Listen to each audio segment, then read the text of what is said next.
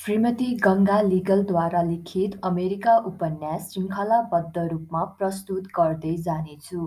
यस उपन्यासलाई अन्तर्राष्ट्रिय नेपाली साहित्य समाजले प्रकाशन गरेको हो। अमेरिका उपन्यास भाग एक। लुम्बिनीको पाल्पा जिल्लामा स्थित तानसेन सहर प्राचीन कालदेखि नै सदरमुकामको रूपमा प्रसिद्ध छ। यो अनुपम सौन्दर्यको खानी भएर विश्वसामु परिचित हुँदा निरन्तर गतिमा हेर्ने मानिसको लस्कर लाग्दछ। मानौ यहाँको प्रकृतिमा छवटै ऋतुमा वसन्तले बास गरेको भान हुन्छ।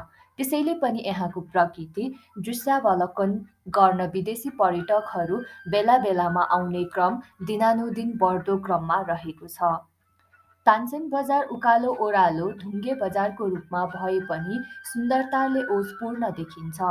सुन्दर वातावरणमा यहाँका बासिन्दाहरू आफ्नै किसिमका व्यापार पनि जीवनयापन गरिरहेका छन्। बजारको माथिल्लो भाग शीतलपाती तानसेनको मुख्य स्थल र व्यापारिक केन्द्र हो भने त्यसबाहेक अर्को मुख्य केन्द्रबिन्दु हो श्रीनगर जसलाई तानसेनको मुटु भन्दा केही फरक पर्दैन। त्यही श्रीनगरले नै विदेशी पर्यटकहरूलाई आकर्षित गरेको छ।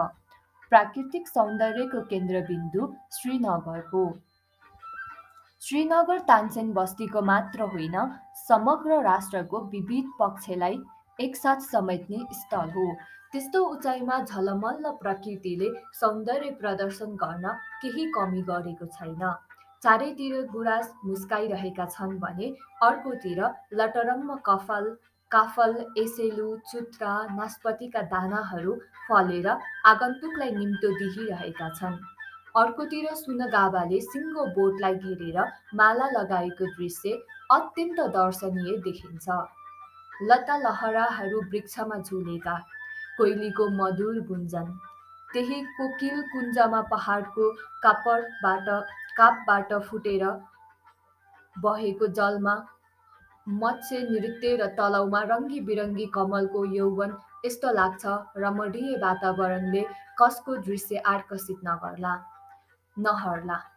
यही हरियाली मनोरम क्रीडा स्थलमा यसले सदाबहार मनोहरी छत्र छायामा हुर्केको सहर तानसेन सुरुदेखि शैक्षिक क्षेत्रमा निकै उन्नतशील हुँदै गएको थियो।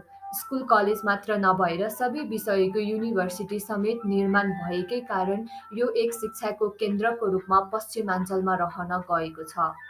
शिक्षाको केन्द्रबिन्दुको रूपमा विकसित भएकोले टाढा टाढाका गाउँठाउँबाट पनि छात्र छात्राहरू शिक्षा हासिल गर्न आउँछन् भने यहाँ होस्टेलको पनि राम्रो व्यवस्था भएकैले टाढाबाट आउने विद्यार्थीहरूलाई सुविधा प्राप्त छ। सुपथ मूल्यमा होस्टलको व्यवस्था वार्डेनको अनुशासन नियोजित र असल पढाइको व्यवस्थाले कुना कुनाबाट छोराछोरीहरू लिएर बुबाआमाहरू विद्यार्थी भर्ना गर्न स्कुल कलेज खोज्दै आउँथे। त्यसबाहेक सुपथ मूल्यको बजार जस्तो चिज पनि ताजा पाइने गाउँ गाउँबाट ताजा सागसब्जी फलफुल बेचबिखन गर्न आएको पाइने सस्तो बजार आदि।